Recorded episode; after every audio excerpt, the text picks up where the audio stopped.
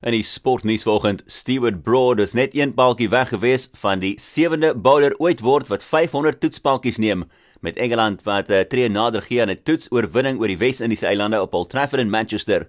Broad het 6 paaltjies geneem vir 31 en 14 balbeurte om te help dat die Windies uitgebal word vir net 197 in antwoord op Engeland se eerste beurt totaal van 369. Die tuisspan het toe 'n tweede beurt verklaar op 226 vir 2 na die openingskolwer Rory Burns 90 gemaak het om aan die Windies 'n reuse wenteken te laat van 399 en die besoekers eindig toe die derde dag op 10 vir 2.